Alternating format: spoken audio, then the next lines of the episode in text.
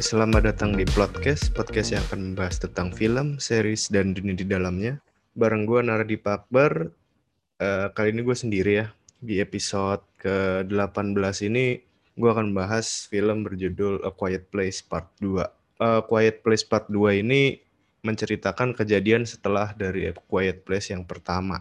Kan A Quiet Place yang pertama tuh gantung gitu ya, endingnya di mana scene terakhirnya ibunya ngokang senjata karena didatengin monster. Terus ini dilanjutin di part kedua ini. Walaupun part kedua ini nggak cuma ngelanjutin doang sih, tapi juga dikasih gambaran hari pertama monster itu datang ke bumi dan mengacau gitu sih. Jadi ada dua cerita di dalamnya. Walaupun yang hari pertama monster datang tuh cuma sebentar, cuma itu bagian terbaik sih.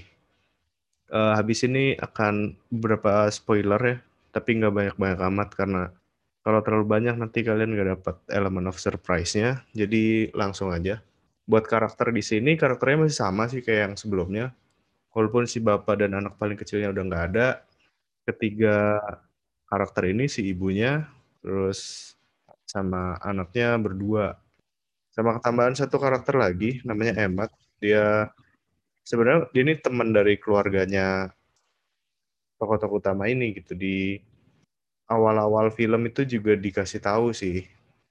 Terus masih seperti A Quiet Place yang pertama, masih bagus, masih menegangkan, walaupun gue merasa bahwa ketika mulai ke babak akhir film itu menegangkannya mulai hilang gitu, malah jatuhnya kayak agak sedikit uh, jadi berantem berantem sama monster sih walaupun gak berantem banget gitu tapi ya masih oke okay sih untuk lu pada tonton langsung aja tontonin ke bioskop karena nih masih ada di bioskop masih fresh bisa kalian tonton.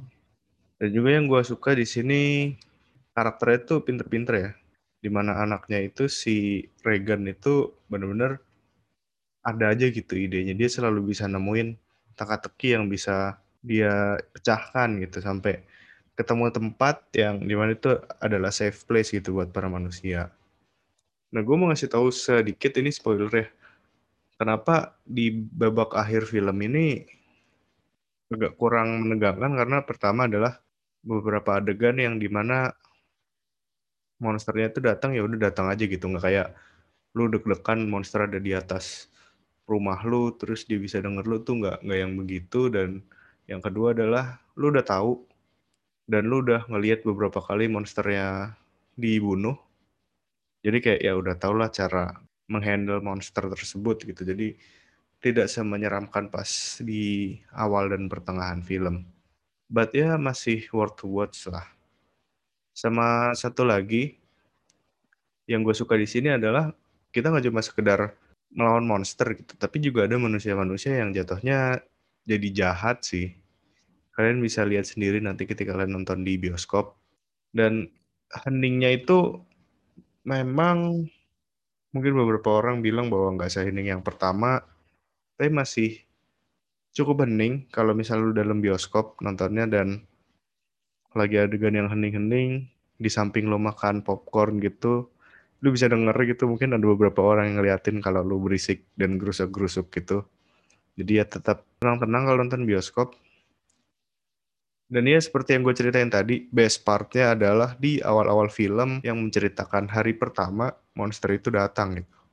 Kenapa? Karena secara teknis bagus, gimana cara dia membuat keadaan sekeos itu juga oh menakjubkan sih menurut gue.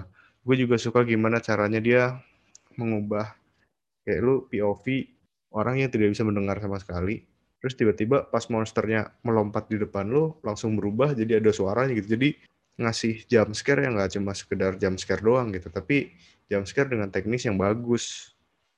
Itu sih. Emang agak banyak jump scare ya tapi jump scare-nya menurut gua make sense lah. Nggak yang jump scare jump scare maksa yang mungkin pernah lo tonton di beberapa film horror ya. Sama ini kayak A Quiet Place yang pertama masih ada aja karakter yang melakukan tindakan bodoh gitu. Padahal lu di tengah bahaya gitu kayak contohnya nih spoiler sedikit anaknya itu kan disuruh jagain adenya. Terus tiba-tiba dia keluar dong gara-gara nyari ini ibunya maksud gue ya ntar ibunya kan datang lagi. Tapi keluar sendiri tuh sebuah tindakan bodoh akhirnya bikin monsternya datang gitu. Itu hal-hal menegangkan yang terjadi karena kebodohan sih. Itu gue benci banget sama karakter yang melakukan kebodohan kayak gini. Jadi masih oke okay lah. Nggak yang bodoh banget tuh nggak. Cuman ceroboh banget iya.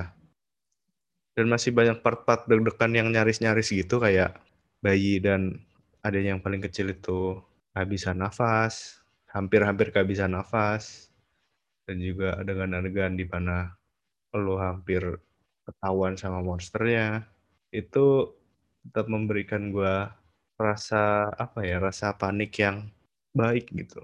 Dan ya secara ketegangan masih seperti film yang pertama.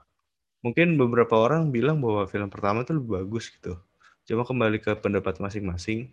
Walaupun yang kedua ini masih sangat bisa dinikmati, apalagi kalau di bioskop. Karena sayang banget kalau lu nggak nonton di bioskop, itu agak merugi sih. Karena di bioskop ketika hening bener-bener hening. Karena kan ke bioskop itu ditutup pakai kain gitu kan, pakai peredam, jadi lu nggak bisa denger suara dari luar. Dan dari dalam tuh orang-orang ya udah diem gitu, karena mereka nonton. Kecuali ada anak kecil main gitu, yang ganggu-ganggu. Jadi akan benar-benar kerasa sensasinya sih. Apalagi jump scare jump scare-nya mungkin buat orang yang nggak suka jump scare agak benci ya. Tapi gue menikmati ini sih karena soundnya tuh enak buat denger gitu. Selain gambar yang memang bagus, cara nge-shootnya gue suka dari soundnya juga sih. Soundnya tuh benar-benar kerasa cukup detil lah.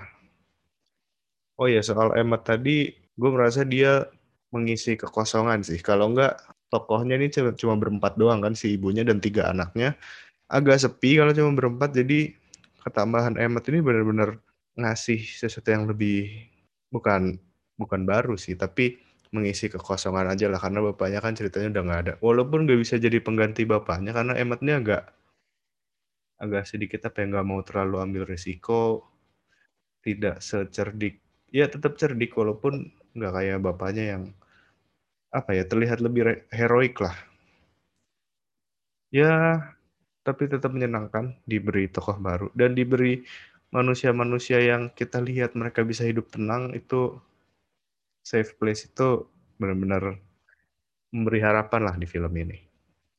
Dan ya mungkin segitu aja soal A Quiet Place Part 2. Tapi sebelum gue tutup, gue mau ngasih tahu bahwa A Quiet Place ini akan lanjut lagi ke part 3-nya yang di mana akan tayang tahun 2023. Dari berita yang gue baca, kalau tidak diundur ya.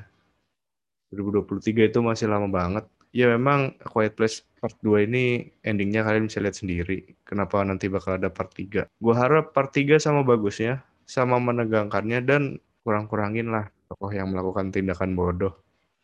Itu aja sih harapan gue, dan akan dibuat spin-off juga. Plotnya nggak tahu, belum dibocorin. Jadi ditunggu aja. Mungkin akan melebarkan sesuatu di universe-nya A Quiet Place ini. Jadi bakalan menarik sih. Jadi segitu aja. Gue Nardi Bakbar. Sampai ketemu di episode berikutnya. Thank you.